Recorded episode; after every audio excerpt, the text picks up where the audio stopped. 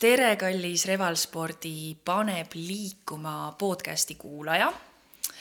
kätte on jõudnud uus osa, kätte on jõudnud ka uus aasta, loodetavasti kõigil on uue aasta lubadused tehtud ja sinna lubaduste hulka siis kuulub kindlasti ka aktiivne eluviis ja kasutan ka ära reklaamiminuteid, ehk siis sellest aastast on võimalik ka Äh, minu trennis, mina olen Kaisa Selde, väga meeldiv, äh, minu trennis hommikuti motion cage'is käia, nii et äh, tule, hüppa läbi, kui sa, kui sul aega on. aga see saade ei räägi üldsegi minust, täna minu vastas istub Margit Saidla. ja kohe annangi, Margit, sõnajärje sinu kätte, tere, Margit. tere, Kaisa äh,. aitäh, et kutsusid äh,. minu jaoks on see esmakordne siin, et äh, Äh, olen siis nüüd juba varsti kaheksa kuud äh, Revalis äh, uus spordijuht, võib öelda ka peatreener, kuigi seda nime ma ise pigem ei kasutaks, et jääksin sinna spordijuhi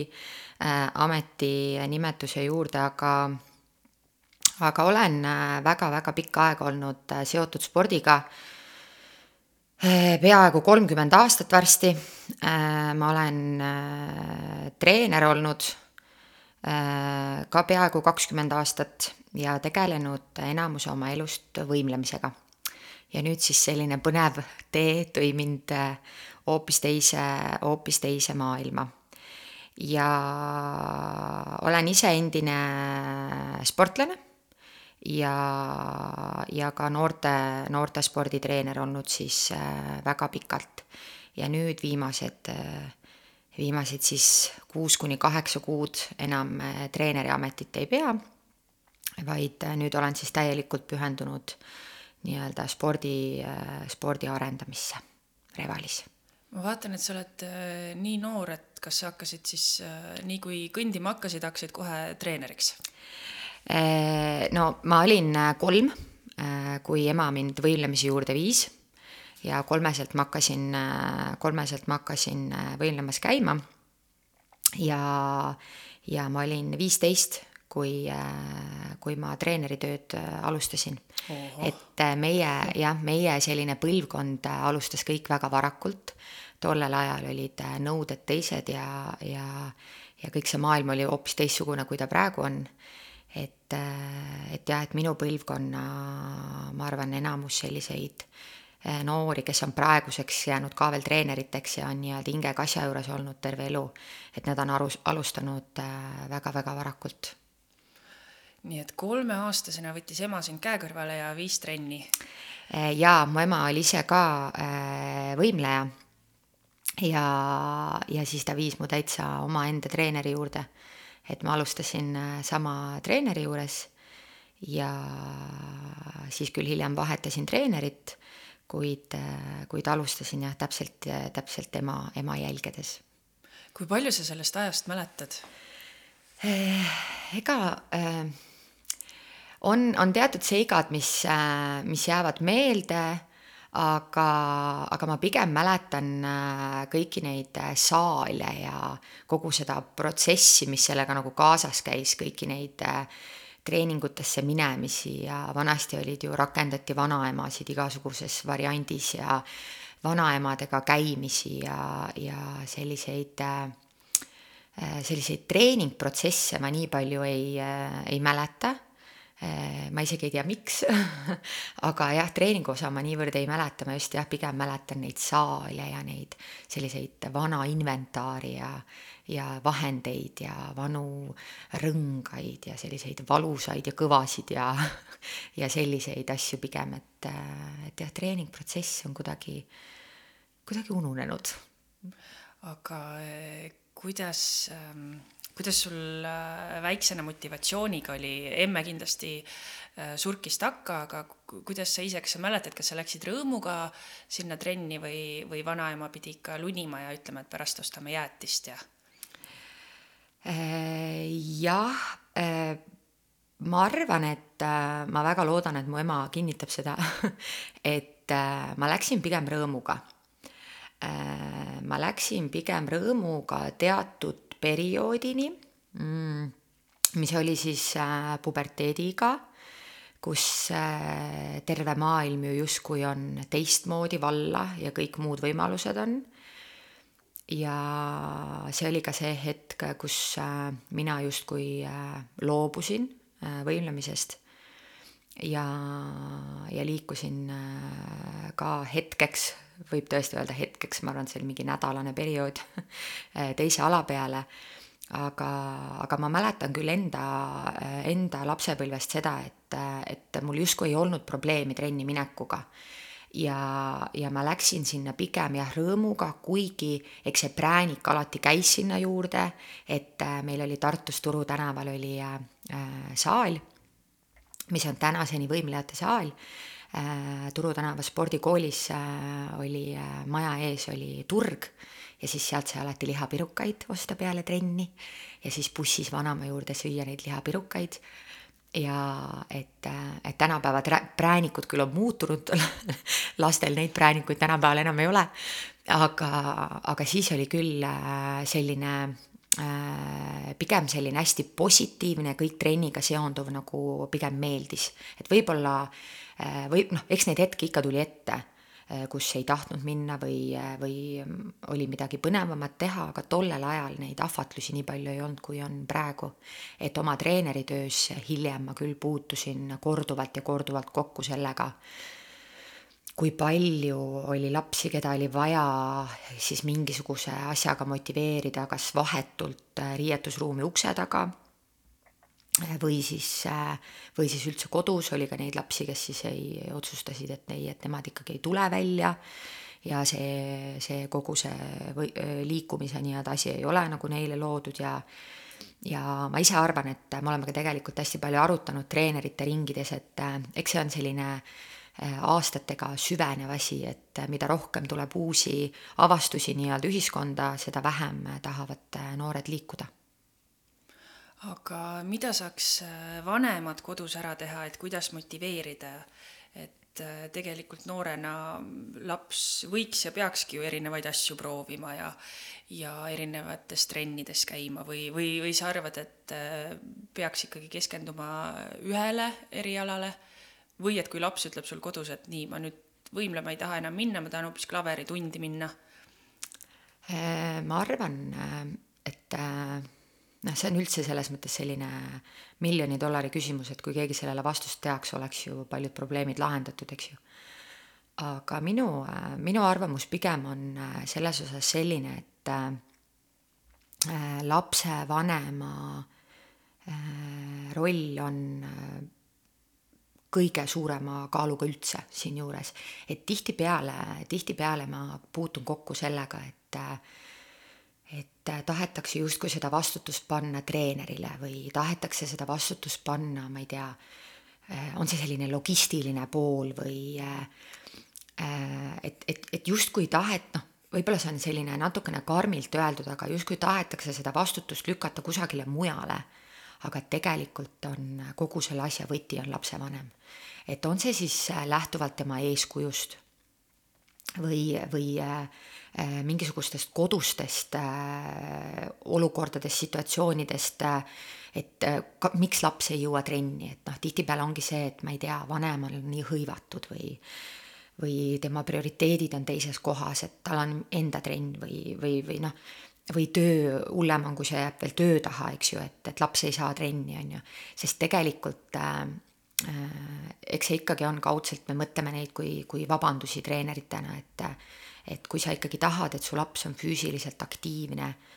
äh, sa leiad selle viisi, et tänapäeval on ju ka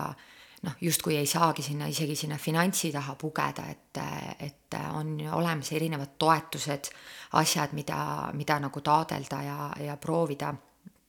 ka seda finantsilist poolt lahendada. et tegelikult äh, kõik need võimalused on olemas, aga justkui tundub, et, äh, et lihtsam on öelda, et ei saa. et, äh, et eriti noh, eks ta nüüd läks nagu Covidi ajal veel Covidi perioodil nagu veel valusamaks see teema, see järjest tõstatus, et see, kui see ekraaniaeg nii-öelda lastel suureneb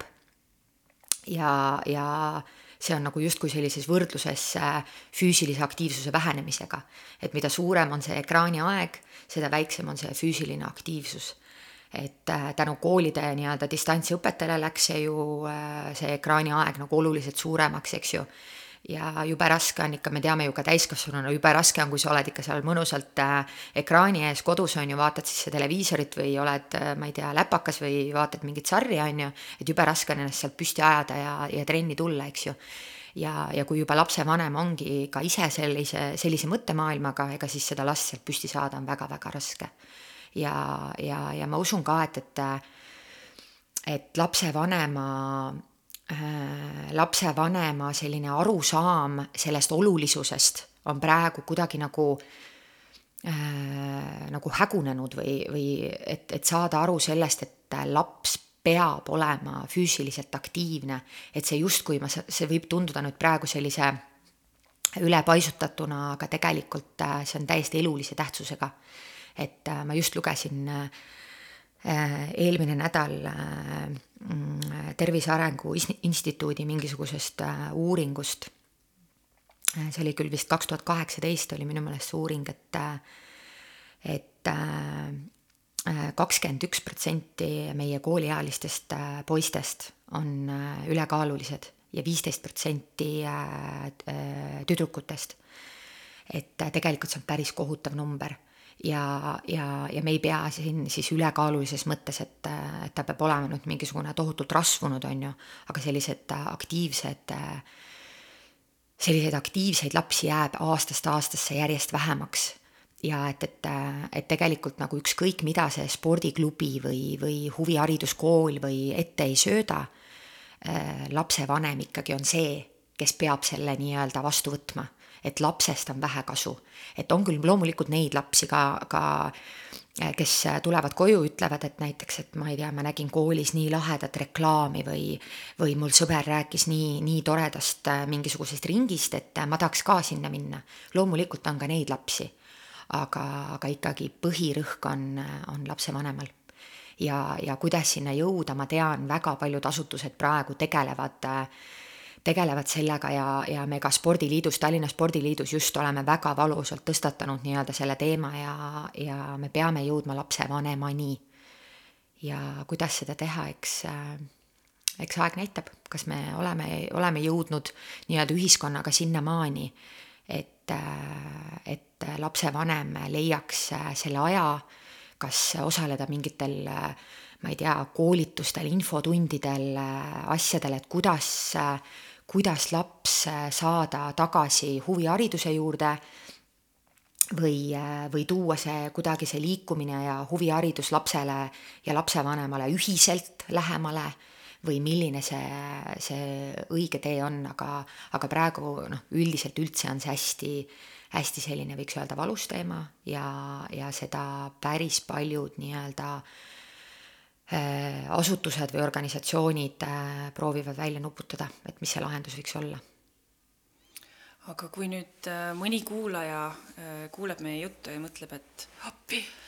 ongi nii, laps ongi siin nutiseadmes kogu aeg kinni, ähm, siis mis on see esimene samm, mida teha? kas ma peaksin kõigepealt hakkama ise eeskuju näitama, kas ma peaksin ise minema trenni või ähm, kust üldse alustada, mida ma tegema pean? No eks see, eks noh, siin ju kehtib, ega seda ei tohi ära unustada, et kehtib ka see vana tõde, et äh, tee minu sõnade, mitte minu tegude järgi, on ju, et sa pead suutma esimesena kindlasti oma lapsega rääkida. suutma talle selgeks teha selle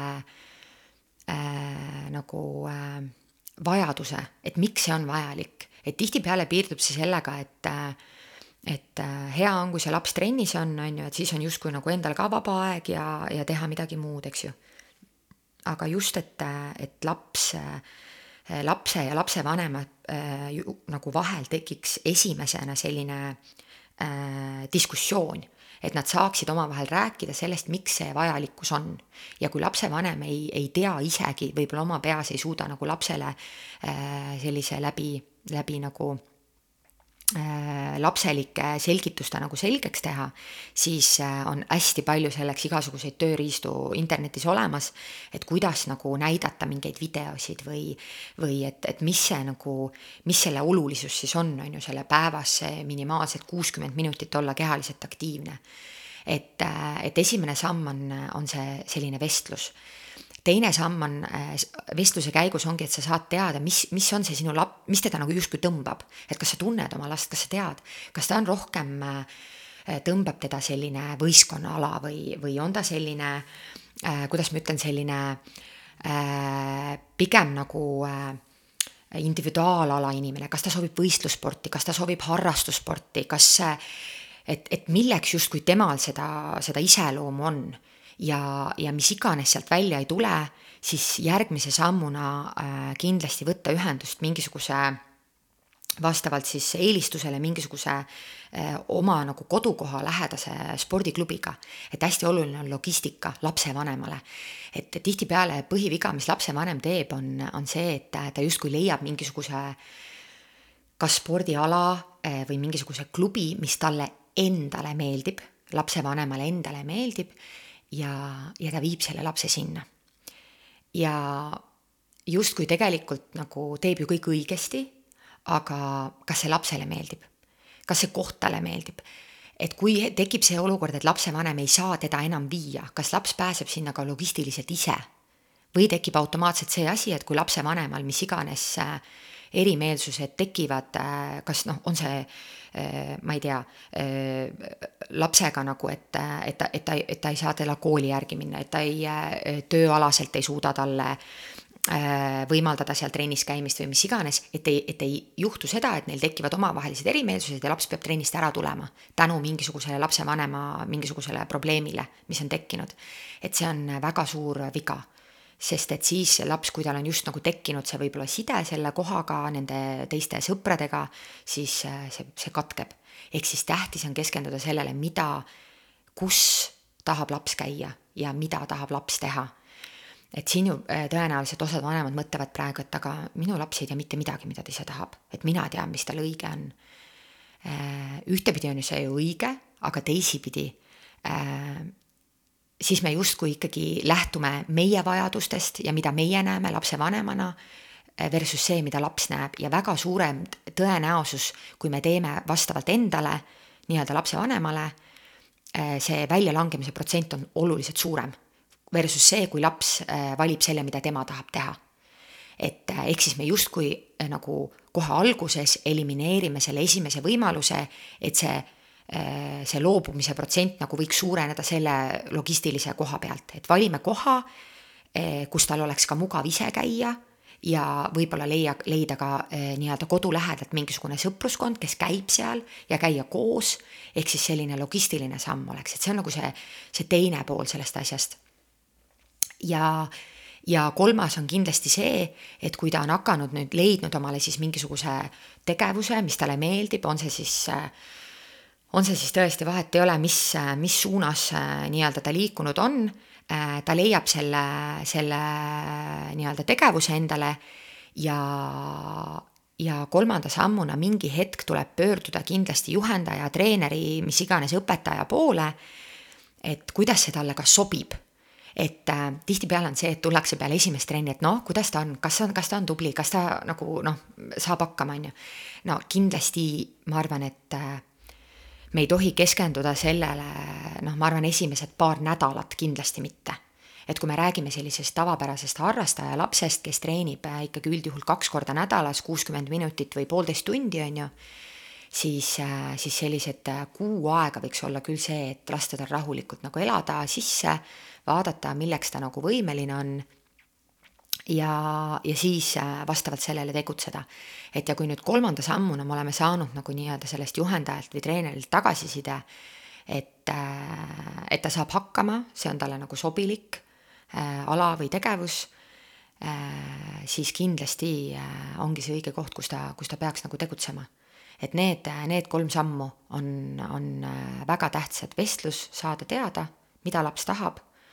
mis, äh, mis suunas ta tahab liikuda, teine leida võimalikult selline mugav ja kindel koht käia, lapsel ka ise, ja kolmas äh, tagasiside treenerilt või nii- nii-öelda professionaalilt, et kas see sobib talle, mitte lapsevanemale. et need, need kolm punkti kindlasti, et kui ta kui need kolm punkti on nii-öelda nagu äh, turvaliselt läbi käidud, siis ma arvan, et on väga suur tõenäosus, et see laps jääb füüsiliselt aktiivseks pikemaks ajaks, kui just ei tule mingisugust äh, eriolukorda vahele. nii, sain kohe targemaks äh,, aga lähme korraks tagasi sinu lapsepõlve juurde. et kui sina äh, trennis käisid, millised sinu treeningud välja nägid? Äh, no võimlemine, äh, võimlemine on, ma arvan, selline väga, äh, väga-väga keeruline ala ja võimlemine on kindlasti selline ala, mida hästi paljud inimesed ei, ei mõista. selles mõttes, et äh, see äh, noore lapse, noore tüdruku, siis meil Eestis on, on ju tütarlapsed võimlevad ainult äh, et selline noore tüdruku äh, pingutus äh, saavutada äh, midagi võimlemisega peab olema üüratult suur. et Eestis on väga vähe ju neid võimlejaid, kes,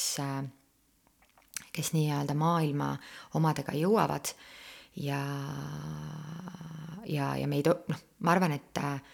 see tegelikult ei tohiks olla nagu eesmärk omaette, aga paraku ikkagi võimlemisega on see, et äh, väga suurel määral eeldatakse automaatselt, kui lapsevanem toob lapse võimlema, et ta tahab äh, tege-, teha võistlussporti.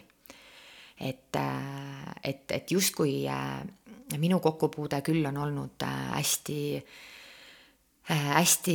kallutatud alati sellele poole, et kui laps on tulnud võimlema, siis ikkagi selle eesmärgiga, et temast võiks saada võistlussportlane ma ei räägi siis nii-öelda tippsportlasest, aga võistlussportlane. et, äh, et harrastus, äh, harrastusvõimlemine justkui äh, justkui jõu-, harrastusvõimlemisse jõutakse justkui siis, kui nähakse, et see võistlusvõimlemine ikkagi ei tööta ja ei toimi. et siis liigutakse nii-öelda selle harrastusvõimlemise poole peale, eks ju. aga mina olin, olin võistlus, võistlussportlane ja, ja ma mäletan, noh, sellest ajast äh, mäletan ma pigem, pigem seda, et see oli, see oli ääretult raske äh,. see oli, nõudis palju äh,, palju pingutust ja, ja võib-olla sellist äh, sellist eneseohverdust ma tahaks ka öelda, et, et võilemine on, on hästi, hästi valus ala, sõna otseses mõttes füüsiliselt valus ala kõik, äh, mis seotud on äh, venitusega, et, äh, et see on väga-väga valus ja ega ega võib ka öelda, et ühiskonnas võib-olla natukene viltu vaadatakse sellele võimlemisele tänu sellele, et see on selline natukene, natukene raskesti saavutatav igas võtmes. ja, ja ei ole ju, ma mäletan ka kehakultuuris, kui ma õppisin magistriõppes, siis meil oli hästi, hästi tihti tekkisid õppejõududega sellised diskussioonid, et füsioloogia ja anatoomia õppejõududega, et, et see ala justkui ei ole, et anatoomiliselt ei peakski ükski inimene sellist, sellist asja taluma. Ja eks see tegelikult ongi, ta käib justkui nagu inimvõimete vastane, aga, aga ometigi on see üks populaarsemaid äh, alasid üldse Eestis, et äh, millega, millega tüdrukud tegelevad, et et enda lapsepõlv äh, ma ei olnud äh, Äh, ma ei olnud kunagi vastu sellele, mis, äh, mis minuga nagu tehti või, või kuidas mind treeniti, mulle see sobis, minu vanematele see sobis, see oli meie teadlik valik. Äh, ja ma arvan, et tänu, tänu sellisele lapsepõlve väga, väga sellisele järjepidevale treenimisele Äh, ma jõudsingi äh, nagu sportlasena sinna, kuhu iga sportlane unistab jõuda. et äh, selline järjepidev aastatepikkune treening, enesearendamine ja mitte allaandmine viibki sinna tulemuseni, kuhu sa tahad jõuda, aga kindlasti ei ole see selles mõttes selline minu jutu mõte see, et kõik peaksid tegema nagu võistlussporti, et kindlasti mitte. Äh, harrastussport on järjest enam ja järjest enam nii-öelda populaarsust koguv noh, ka täiskasvanute seas on ju harrastussportlasi aina rohkem,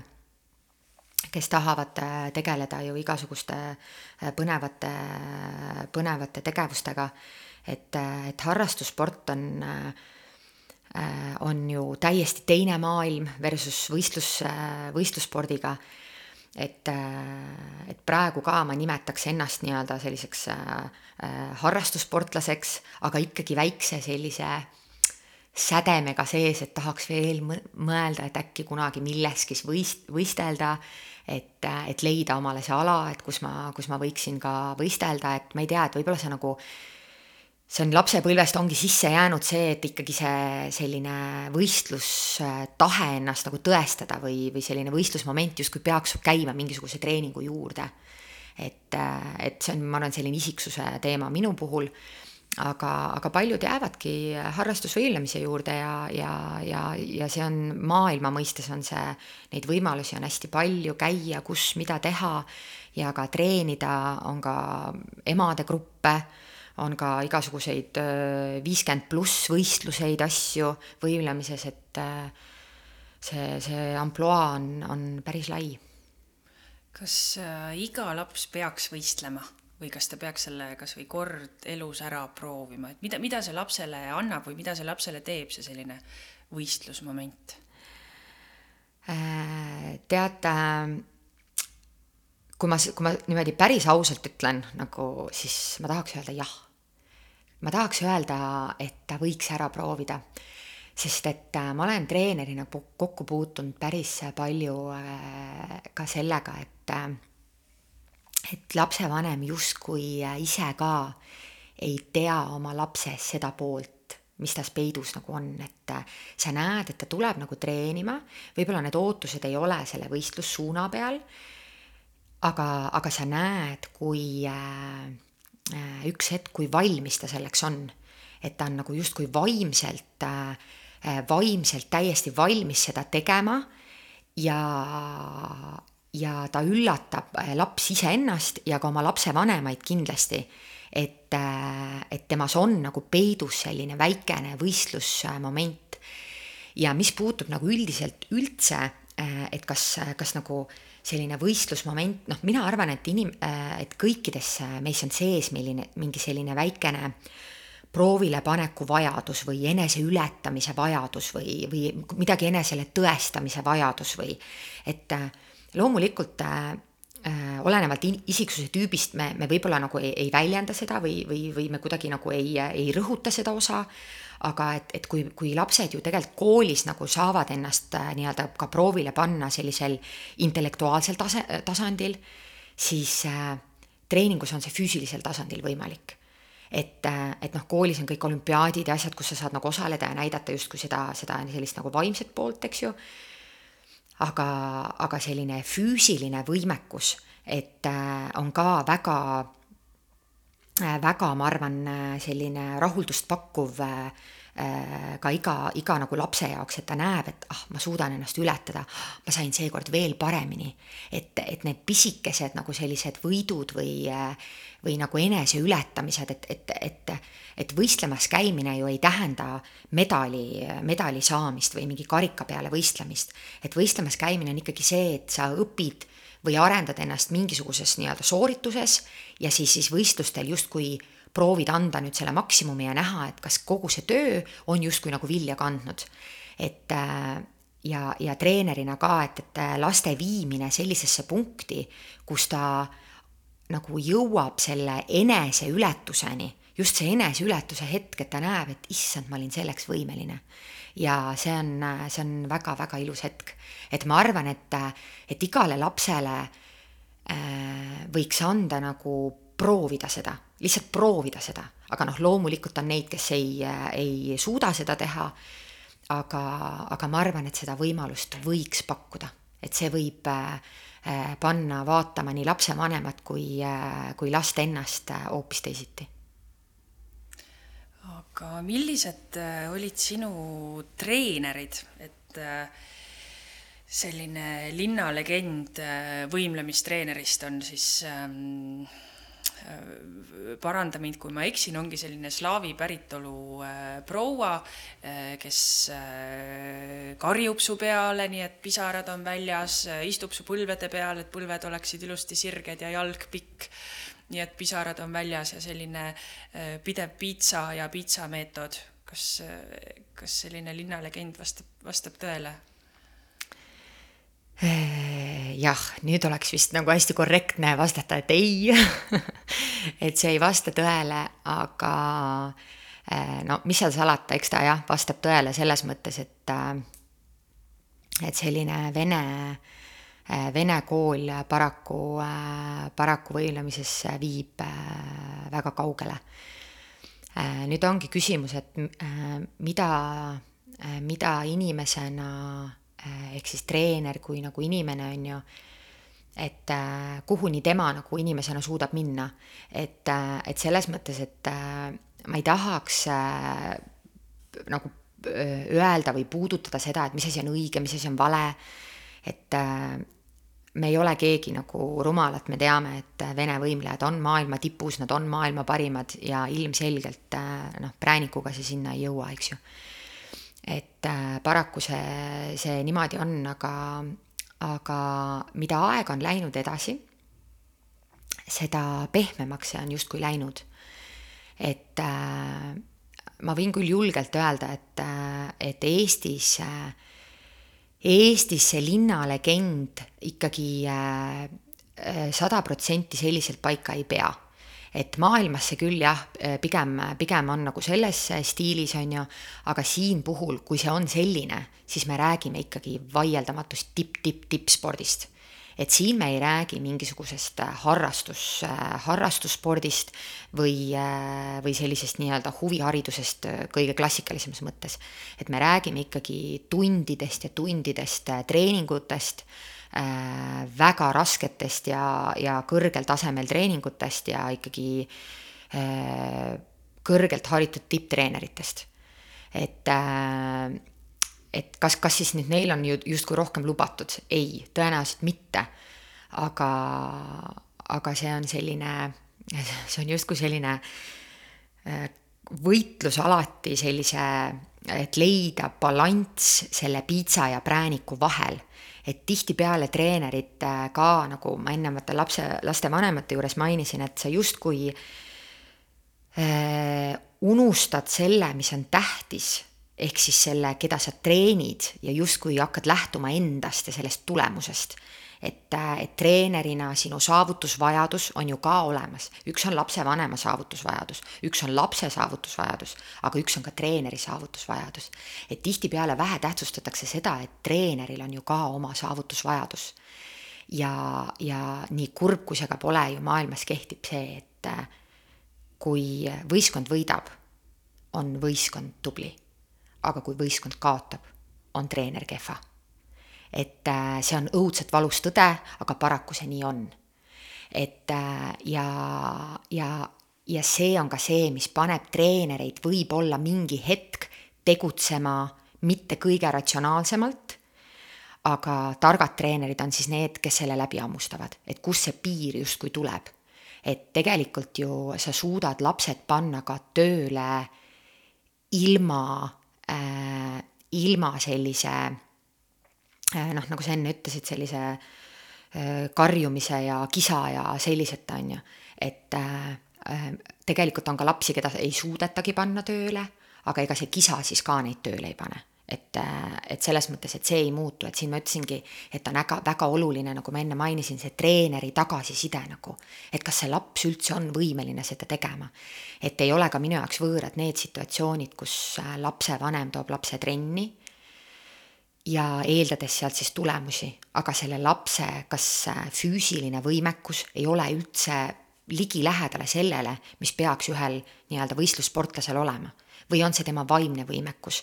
või, või mis iganes, et ta ei ole suuteline isegi seda saavutama, mida lapsevanem temalt eeldab.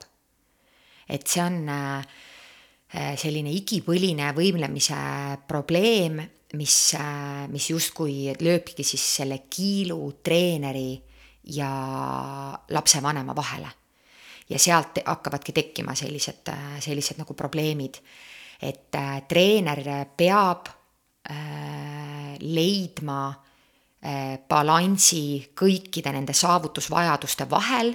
ja enda oma kõige rohkem alla suruma. Ja selliselt on, äh, on nagu võime, ma arvan, saavutada kõige paremaid tulemusi ilma siis sellise noh, ütleme siis seda linnalegendi äh, rakendamata. et ma arvan, et see on selline kõige parem, kõige parem nagu retsept sellele nii, aga räägi meile äh, jälle hästi huvitav teema, äh, võistlused. sa oled saavutanud äh, täiesti ulmeliselt kõrgeid kohti. kus sa oled võistlemas käinud, mis kohad need täpselt on, mis sa oled meile siia Eestisse toonud? jah, see võistlus, võistlussport on, on selles mõttes üks selline fantastiline asi, et see Äh, avardab hästi palju äh, silmaringi, annab sulle väga palju võimalusi reisida. ja see on, äh, on minu meelest nagu väga, väga tänuväärne asi, et, et mida, mida ühele lapsele nagu pakkuda ka lapsevanema poolt, et kui see võimalus on olemas. sest et mina võin küll julgelt öelda, et pool maailma olen ma läbi reisinud tänu võimlemisele ja, ja, ja, ja ja reisimiseks muul moel justkui vajadust ei olegi, ei olegi olnud. et. Mis on siuksed põnevamad kohad, kus sa käinud oled? no eh, vot see ongi see kurb asi, et tihtipeale ta viib ühte samma kohta tagasi et, et on ikkagi need tuntud, tuntud maad, kes, kes ühtesid samu asju teevad, aga äh, no mis on, ma arvan, kõige selline kaugem koht oli, oli äh, aasta oli, kui ma ei eksi, kaks tuhat kaheksa ja oli meil Kanadas olid maailmameistrivõistlused. ja see oli ühtlasi ka minu siis tiimi või võistkonna nagu viimane, viimane võistlus, kus me siis, kus me siis käisime. aga, aga neid, neid kohti on, on selles mõttes, see võimlemine selles mõttes võimaldab sul ka, ka nagu kuidagi nagu nagu teisiti äh, kõike kogeda, et üks asi on see, et sa sõidad sinna võistlustele ja sa teed nagu oma asja ära, on ju, sul on omad treeningud, omad, äh, omad äh, sellised kindlad rutiinid, mida sa pead tegema aga, aga alati ju olenevalt siis riigist, kuhu sa lähed, kaasneb ikkagi sinna mingisugune eelnev või järgnev periood, on ju, et noh, on see siis, ma ei tea, mingisugune selline kohanemine aja, ajalises mõttes, on ju, või siis peale võistlusi lihtsalt selline aja mahavõtmine, et et alati, kui me oleme reisinud mingisugused sellised Hispaaniad, Bulgaariad, kus on nagu soojemad, siis me oleme alati ka leidnud võimaluse peale võistluseid veidi, veidi ennast lõdvemaks lasta. et, et ka natukene, natukene nagu puhata Äh, ja, ja, ja lisaks sellele siis on meil, äh, ma arvan, et üks selliseid põnevamaid oli, me käisime, äh, ma isegi seda aastat nüüd ei mäleta, aga, aga Londonis mingisugusel põneval üritusel, kus me esinesime Brian Adamsi kontserdil ma ei tea, kuidas elu meid sinna viis, aga, aga sinna me saime tänu, tänu võimlemisele ja, ja see oli äh, päris äh, ka selline päris, äh, päris põnev. et mina alati mõtlengi, et kui ma treenerina olin ka, et, et alati pakkuda lapsevanemale ka seda võimalust, et, et kui tal huvi ja, ja tahtmist ja finantsiliselt võimalik on, et siis kindlasti proovida välisreise, sest et äh, nii-öelda Äh, lapsed on lapsevanemast eemal, on täiesti teistsugused ja nende justkui selline, selline tõeline mina avaldubki, kui sa jäädki nendega nagu ilma vanemateta sellisesse võõrasse keskkonda äh,, siis oleme hästi tihti nagu olukorras, kus lapsevanem on täiesti veendunud, et ei, et ta ei saa ju, ta ei suuda ja ta ei saa üles hommikul ja, ja, ja tal ei ole meeles üks ja teine ja ja siis pärast sõitu alati mõtlesin, et ei olnud mitte mingeid probleeme, tal äratuskellad töötavad, kõik toimib, et lapsed justkui muutuvad täiskasvanuks seal. et, et see on ka treenerile hästi oluline märk sellest, et, et reisil sa näedki ära, et, et noh, see on nagu üldiselt üldse on ju, et mine inimesega reisile, siis sa nagu näed ära, milline inimene on, on ju. et tegelikult see kehtib ka nagu noortespordis nii, et, et kui sa treenerina lähed selle lapsega reisile, sa näed ära et ta on, kui palju võimekam ta tegelikult on ja siis sa saadki selle kindluse, et okei okay,, et äh, ta saab hakkama. on see vaimne raskus, mis iganes, lennujaamade keeleline mingisugune asi on ju, et mina tahan alati rakendada seda, et mulle meeldib panna lapsed äh, nagu äh, äh õpetada neile, et noh, lennujaamades, et nii, et mina lihtsalt olen ja nüüd ma tahan näha, et mis nüüd edasi toimuma hakkab, on ju, et mis, mis sa edasi tegema pead, kui me jõuame sinna, et et kust sa mida vaatad või kellelt sa mida küsid või, või et kuidas sa reageerid või et, et sa justkui nagu ühe reisi teed selle läbi ja järgmised reisid on, kõik on nagu hoopis teine, et, et nad on väga-väga äh, väga osavad tegelikult, et me tihtipeale ei, ei, ei mõistagi seda, et kui võimekad, võimekad meie lapsed on. aga reisimine on tippspordi vaieldamatu osa ja ja mida tublim sa oled ja mida, mida rohkem sa panustad, seda rohkem on sul võimalus käia ja reisida ja ja need sihtkohad on aina põnevamad ja põnevamad, et kui mina lõpetasin võimlejatee, siis treenerina olen saanud reisida samamoodi äh, igasugustesse äh, riikidesse ja, ja siis jällegi kohtunikuna täpselt samamoodi, et äh, et, et mida rohkem riike tuleb nagu sporti, on kaasatud tippsporti, seda rohkem põnevamaid võimalusi on ja neid riike kasutatakse ära võistluste korraldamistel, et, et see on üks väga-väga äge maailm, see võistlusspordimaailm. kuidas see selline võistlusmelu välja näeb, et juba sellelt pinnalt, et kas noored tunnetavad teineteist kui konkurente või, või seal käib ka selline lävimine ja, ja saadakse hästi läbi teineteisega? Äh, no eks see on alaspetsiifiliselt natukene erinev äh,. aga eks võimlemises äh, ma tahaks ikkagi öelda seda, et äh, on selline, selline sõbralik konkurents. et äh, võimlejad, tüdrukud on ala, alati hästi, hästi sellised äh, aktiivsed kaasaelajad äh, võimlemismaailmas, et äh, hoitakse üksteisel ikkagi pöialt ja, ja, ja jälgitakse üksteist Instagramides ja, ja Facebookides ja, ja, ja kasutatakse, ma ei tea, kui on võimalus osta ära kellegi põnev mingisugune trikoo või, või, või noh, et justkui nagu äh, hoida ennast kursis selle võimlemise maailmaga, siis äh, sõidetakse ka võistlustele kaasa elama ja ja, ja vaadatakse igasuguse videosilla üle, äh, ülekandel neid asju ja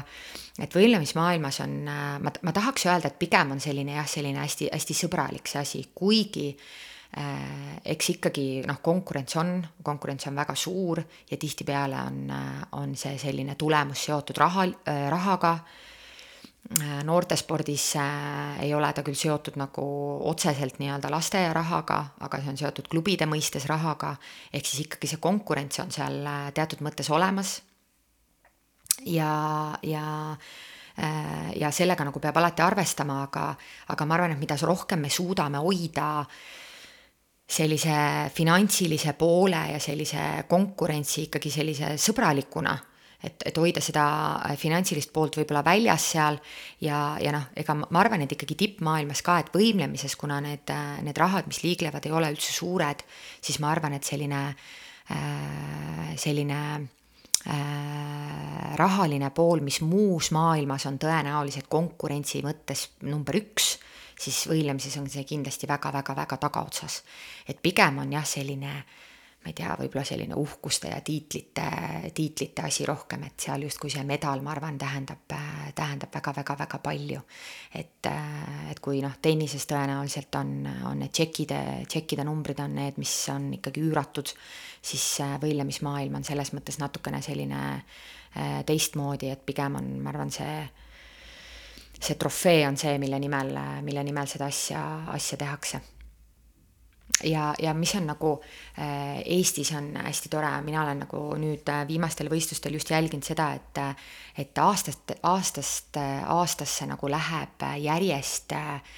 toredamaks selline õhkkond saalis, selline võistlusõhkkond, et järjest rohkem tuleb seda üksteise toetamist, et mitte ka klubisisest, vaid sellist omavahelist. et seda on, on olnud viimastel võistlustel hästi, hästi tore vaadata.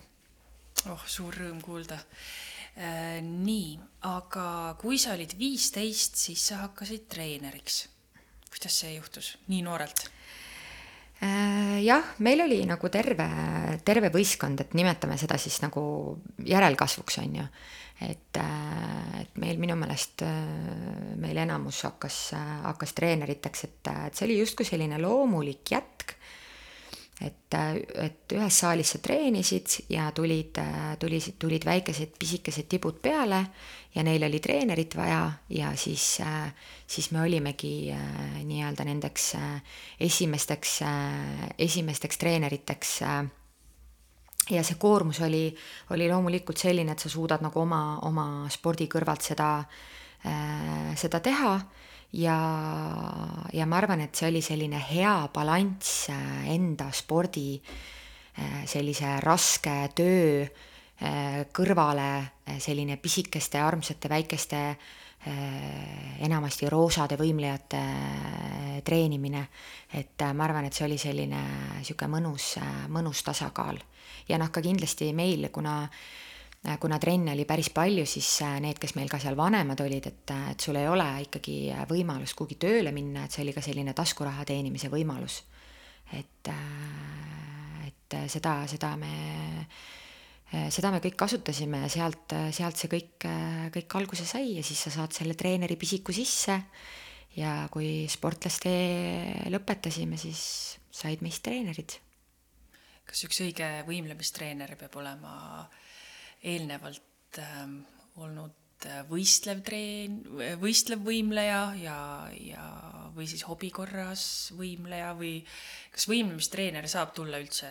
nii-öelda otse ülikooli äh, pingist ja, ja hakata võimlemist õpetama? Äh, ma ütlen selliselt end-, ma arvan ainult enda jah räägin ainult enda eest praegu ja mõtlen, et ma ütlen, et ei. selles mõttes, et äh, üldse ma arvan, tippspordi äh,, tippsporditreener kindlasti ei saa. et kui me räägime võistlusspordist, siis äh, seal on ikka nii palju nüansse, mida sa ei tea, kui äh, sa ei ole ise seda läbi teinud et äh, võistlussporditreener on, on ikkagi väga raske, väga raske olla, kui sa ise seda läbi teinud ei ole. et sa ei pea olema teinud teda mingisugusel äh, tohutul tipptasemel, äh, aga, aga sa pead ikkagi olema tegelenud võistlusspordiga ja loomulikult erand kinnitab reeglit, on ju, ma olen täitsa veendunud, et neid fantastilisi treenereid on palju maailmas, kes ei ole ise teinud, aga, aga ma ikkagi arvan, et, et oluliselt, oluliselt suurem protsent on neid, kes äh, ise on selle tee nagu läbi teinud. sest et äh, ma justkui äh, ma ei taha öelda, et, et tegemist ei ole tõsiseltvõetava treeneriga, siis kindlasti mitte. aga, aga see maailm, noh, olenevalt alast, siis noh, meil siis nagu äh, ka-, ühel pool kardinat ja teisel pool kardinat, on ju, et see maailm on ikkagi niivõrd teine. et, äh, et kõik see ettevalmistuse, see vaimne pool ja, ja kuidas sa oma sportlase sinna viid, mida sa selleks äh, pead ütlema tollel hetkel, ma ei tea, tegema, et kui sa ei ole ise nagu selles vaimses punktis olnud, enne kui sa astud sinna vaibale, siis see tundub justkui nagu võimatu sportlast sinna viia aga mis puutub harrastussporti, äh, siis äh, ma olen täiesti veendunud, et, äh, et seal on võimalik otse ülikoolist tulla. et kui sa oled lapsesõbralik inimene, ma ei tea, on sul olnud õdesid endasid või endal on, ma ei tea, lapsed ja, ja sa ikkagi kuidagi nagu tunned seda soojust laste lähedal, siis ma arvan, et olles omandanud ülikoolis teadmised juurde sellele mingi osa füsioloogiat, anatoomiat, äh, sellist nii-öelda põhi, põhitõdesid ja täiendanud ennast ka nii-öelda alaliidus erialaliselt, siis ma arvan, et äh, nii saavad tulla ka väga fantastilised treenerid. mis sa näed, mis on selline äh, põhiline mm, erinevus siis sinu kui nii-öelda võistleva sportlase elu ja siis sellise mm, treeneri elu vahel? kas need on nagu öö ja päev äh,? Mm, jah äh,, treeneri äh,, ma kusjuures hiljuti just äh, mõtlesin äh,, mõtlesin selle peale, et äh, üks asi on saata sportlased äh, maailmameistrivõistlustel platsi peale ja teine asi on astuda maailmameistrivõistlustel platsi peale. et äh, need on kaks täiesti erinevat maailma. ja, ja ma ütlen päris ausalt, et äh, treeneri rollis olla on korduvalt äh, raskem, korduvalt raskem minu jaoks. sest et äh, justkui sellel hetkel, kui sa saadad äh, sportlase välja, siis äh, sinu võimuses ei ole enam mitte midagi. sa tahaks teha nii palju, aga sinu võimuses enam ei ole mitte midagi. ja sportlasena sellel hetkel, kui sa astud välja, siis äh, kõik on veel võimalik. ja sa saad äh, teha nii palju ära selleks, et, et see sooritus oleks maksimaalselt äh, nii-öelda sooritatud aga treeneri äh, äh, selline, treeneri roll äh, tippsportlase juures, mis puutub siis võistlussporti, ma arvan, suurem roll on see, mis toimub, kui ta tuleb ära sealt platsi pealt. et see oli minu, ma arvan, minu sellise treeneri karjääri juures kõige suuremaks pähkliks et äh, üks asi on valmistada treenerit et,, äh, sportlast ette tipp, äh, nii-öelda tippsoorituseks. ehk siis nii-öelda võistlusteks treenimine, sa tead, mille nimel sa treenid, sa tead, milline see sooritus olema peab, kuidas sinna jõuda, mida teha eelnevalt. ja, ja kuidas hoida seda, võib-olla seda sellist, kogu seda sünergiat seal ja see hetk, kui ta läheb platsile ära, äh, siis mõtled, et see justkui kõik saab läbi, et oh, minu töö on tehtud. aga, aga tegelikult äh, olenevalt siis sellest, kas see sooritus on positiivne või see sooritus on negatiivne äh,, tuleb see sportlane sealt vastu võtta. ja kui see sooritus on negatiivne äh,, siis äh, treeneri jaoks on see nagu justkui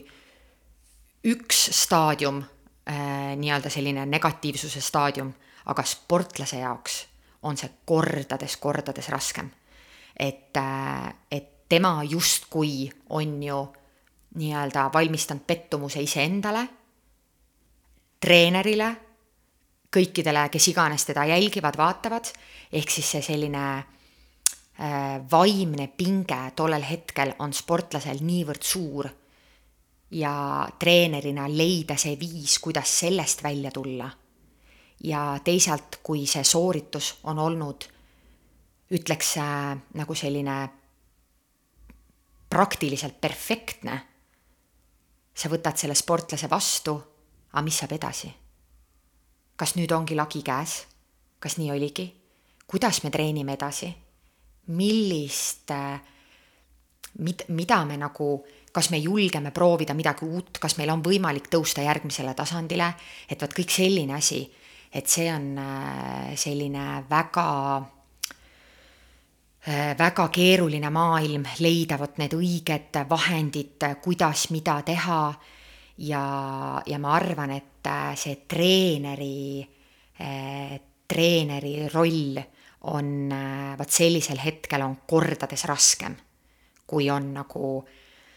äh, nagu sportlase, sportlase roll, kui me võtame need kaks asja kokku, et mis nüüd saab edasi, et sa tead, et sportlasel on see vaimne olukord on täpselt selline, nagu ta on ja kuidas siis nüüd teda nagu aidata. et ma arvan, et see on, see on väga-väga-väga keeruline. Ja, ja, ja leida, leida see balanss, et äh, ma arvan, et ma võin enda kohta öelda, võib-olla on seda veider tunnistada, aga ma arvan, et ma ei leidnudki seda kuni lõpuni ma otsisin ja otsisin seda viisi, kuidas nagu, kuidas just selle, äh, selle kõigega nagu pärast toime tulla ja, ja ma arvan, et äh, ma arvan, et mina ei jõudnudki oma nii-öelda treeneri karjääris sinna punkti, et, äh, et see tuleks justkui nagu loogiliselt, läbimõeldult ja alati sellise, sellise nagu rahuga ja kindlusega, et ma, ma tean nüüd, mis edasi saab kõik on hästi. Me leiame viisi ja ma tean, mis edasi saab. et, äh, et ma arvan, et äh, see osa jäi puudu veel minul aeg on armutu ja meie podcast hakkab vaikselt-vaikselt lõppema, aga siia lõpetuseks äh, tahaksin Margit su käest küsida, et mis sind treenerina rõõmustab ja kas on midagi, mis sind ka vahel natuke kurvastab? No ma arvan, et treeneritöös minu jaoks on kõige Äh, kõige tähtsam äh, sellised, ma nimetaks neid nagu pisikesed võidud. et ma just meenutasin äh, eile, nägin ühte oma õpilast ja, ja, ja mulle tuli meelde selline hetk, kus ta sai maha spagaadi esimest korda et ja ma mäletan, ma nii hästi mäletan seda hetke, kuigi mulle ei meenu mitte ühtegi hetke Eh, kui me oleksime saanud eh, nagu mingisuguse medali või mingi pjedestaali hetk, aga sulle jäävad meelde sellised väikesed võidud. Eh, pisikene, pisikene samm, mida ta tegi, mille ta saavutas ja ma arvan, et need, need emotsioonid, mis sellega kaasnevad, selle lapse või noore poolt, need säravad silmad, need, ma sain sellega hakkama. Et, et vot need asjad jäävad, ma arvan, igale treenerile, ma usun, et kui praegu Eestis küsida mis iganes treeneri käest, kes on ikkagi nagu olnud, olnud spordi juures pikalt, pikalt ja, ja, ja hingega asja juures, siis, siis ma arvan, et need on need pisivõidud, mis, mis jäävad sulle meelde, väikesed arengud, mingisugused, ma ei tea jõu-, nagu võimekus teha midagi, milleks ta ei olnud äh,, ei olnud valmis. et need medalid ja karikad ei, ei jää, need on küll väga toredad asjad ja, ja need jäävad riiuli peale ja sa ikka neid meenutad, aga need on nagu need, mis emotsioonina meelde üldjuhul, üldjuhul ei jää, et pigem, pigem äh, väikesed, väikesed sammud, mida, mida on selle pika tee jooksul saavutatud. ja kas on midagi, mis vahepeal kurvastab ka? Äh, jaa, äh, ma arvan, et, äh, et kõige suurem on sellised vale, valelootused või, või sellised väga suured eesmärgid, mida, mida endale, endale pannakse, kas siis treenerina või, või lapsevanemana või õpilasena. et, et sa näed, sa näed, et treenitakse justkui vale eesmärgi nimel ja tegelikult sa tead, et see lõpptulemus juba lõpeb halvasti ja, ja, ja seda on ka, noh, see on tihtipeale on selline noorte treenerite äh,, noorte treenerite viga, et et sa paned omale ootused mis juba tegelikult äh, neid pannes ei, ei saa tõeks äh, nii ehk naa, et äh, on see siis kogenematusest või, või millest, aga aga mina arvan ka, et, et äh, minu, minu üks väga äh, Äh, väga selliseid äh, kurbuse, selliseid kurbuse põhjuseks, põhjuseid treenerina äh, võib-olla oligi see, et, et, et no nooremana ma keskendusin hästi palju püüdmatutele, püüdmatutele asjale, asjadele, et mida rohkem sa koged ajaga, seda rohkem sa saad aru, et realistlikud eesmärgid on need, mis ei valmista nii palju pettumust. Suur-suur aitäh, Margit, selle enda maailma ja enda avamise eest, mina sain küll väga palju inspiratsiooni ja ja tekkis äh, väike mõte, et võib-olla peaks äh, minema sinna äh, või võimlejate, ma ei tea, mitte päris seeniorite kampa, aga mingisugused al-, alustajad. harrastajad. harrastajad mm. -hmm. et siis saaks ka niimoodi graatsiliselt lennelda äh, läbi elu. aga suur-suur aitäh sulle! aitäh, et kutsusid!